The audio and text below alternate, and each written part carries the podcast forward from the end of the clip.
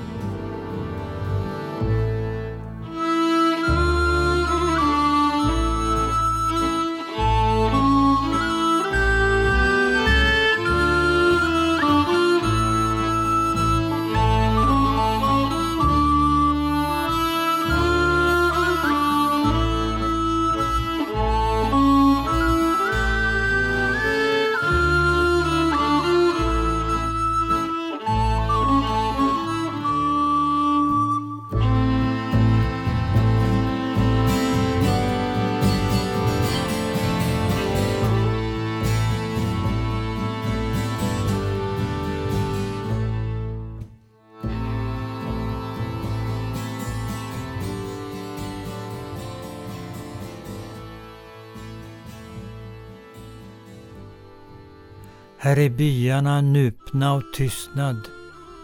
Vägarnas kallregnblandade grus. Husens stumma språk. En nyskjuten älgtjur lämnad vid vägkorset stirrar med skogsbruna ögon uppåt backen mot Uvberget. Sakta gör någon rent loppet i studsan. En gamling mumlar om svunna bedrifter. Storgrytan sätts på spisen och frysboxen städas.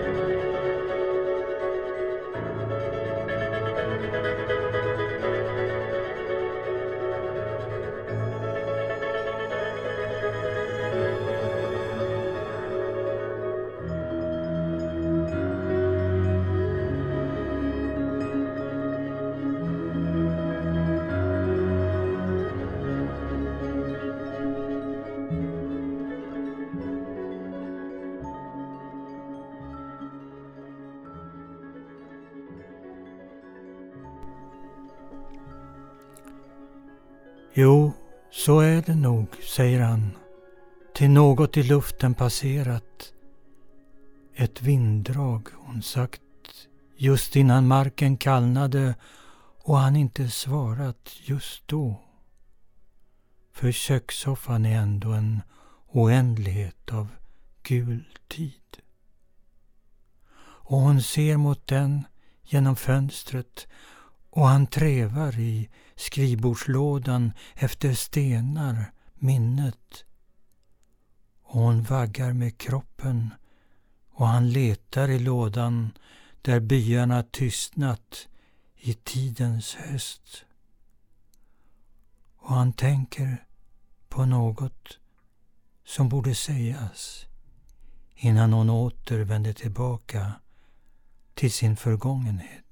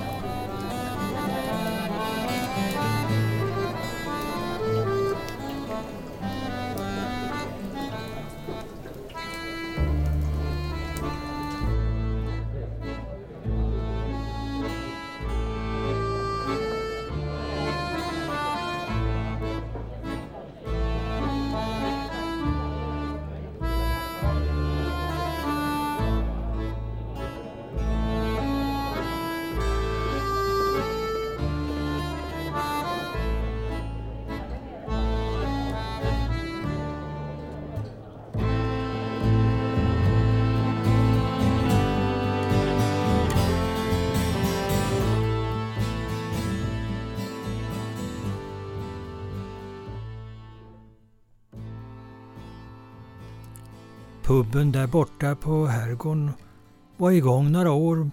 Mer blev det inte. Det är ett under att den i själva verket har existerat. Den skulle liksom inte ha varit här i vår by. Vi står vid vägkanten ser bort mot herrgårdens mörka fönster. Ibland tror jag att den där puben inte har funnits, säger han och petar med foten i det våta gruset. Att det bara var något som jag hade sett på TV, något från ett annat land, att alltsammans bara varit en dröm, någon förväxling. Men andra minns den också. De kan tala om den. Som när han storgran, som vi kallar han, gick rakt genom dassdörren. Han glömde att öppna den, sa han. Den där dörren den blev ju aldrig sig själv igen efter det. Eller när Skrot-Mats prata. Han som aldrig sagt ett ord. Inget som någon här har hört i alla fall. Vi trodde inte att han kunde. En kväll när han satt där på puben började han i alla fall. Kanske sa han inte så många ord men det blir mycket när människa inte sagt något någonting alls förut.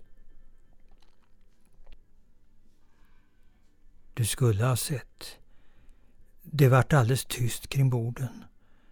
Lundström i baren hade just fyllt en sejdel till en av gästerna men blev stående med sejdeln i handen över disken. Alla lyssnade om Skrotmats skulle säga något mer. Han öppnade munnen och stängde den. Det var som att han inte kunde bestämma sig. Som att han kämpade med något inom sig själv. Vi väntade. Det var första gången vi hörde hans röst. Den var inte som han väntade sig. Han hade gått där bland sitt rost och skrot jämt och man tänkte att rösten han skulle vara därefter. Så kom det. Inte så långa meningar, men de kom, orden. Han talade om böcker som ingen här hade läst, om filosofer. Rösten hans var len, nästan som en kvinnas. Jo, han sa filosofer.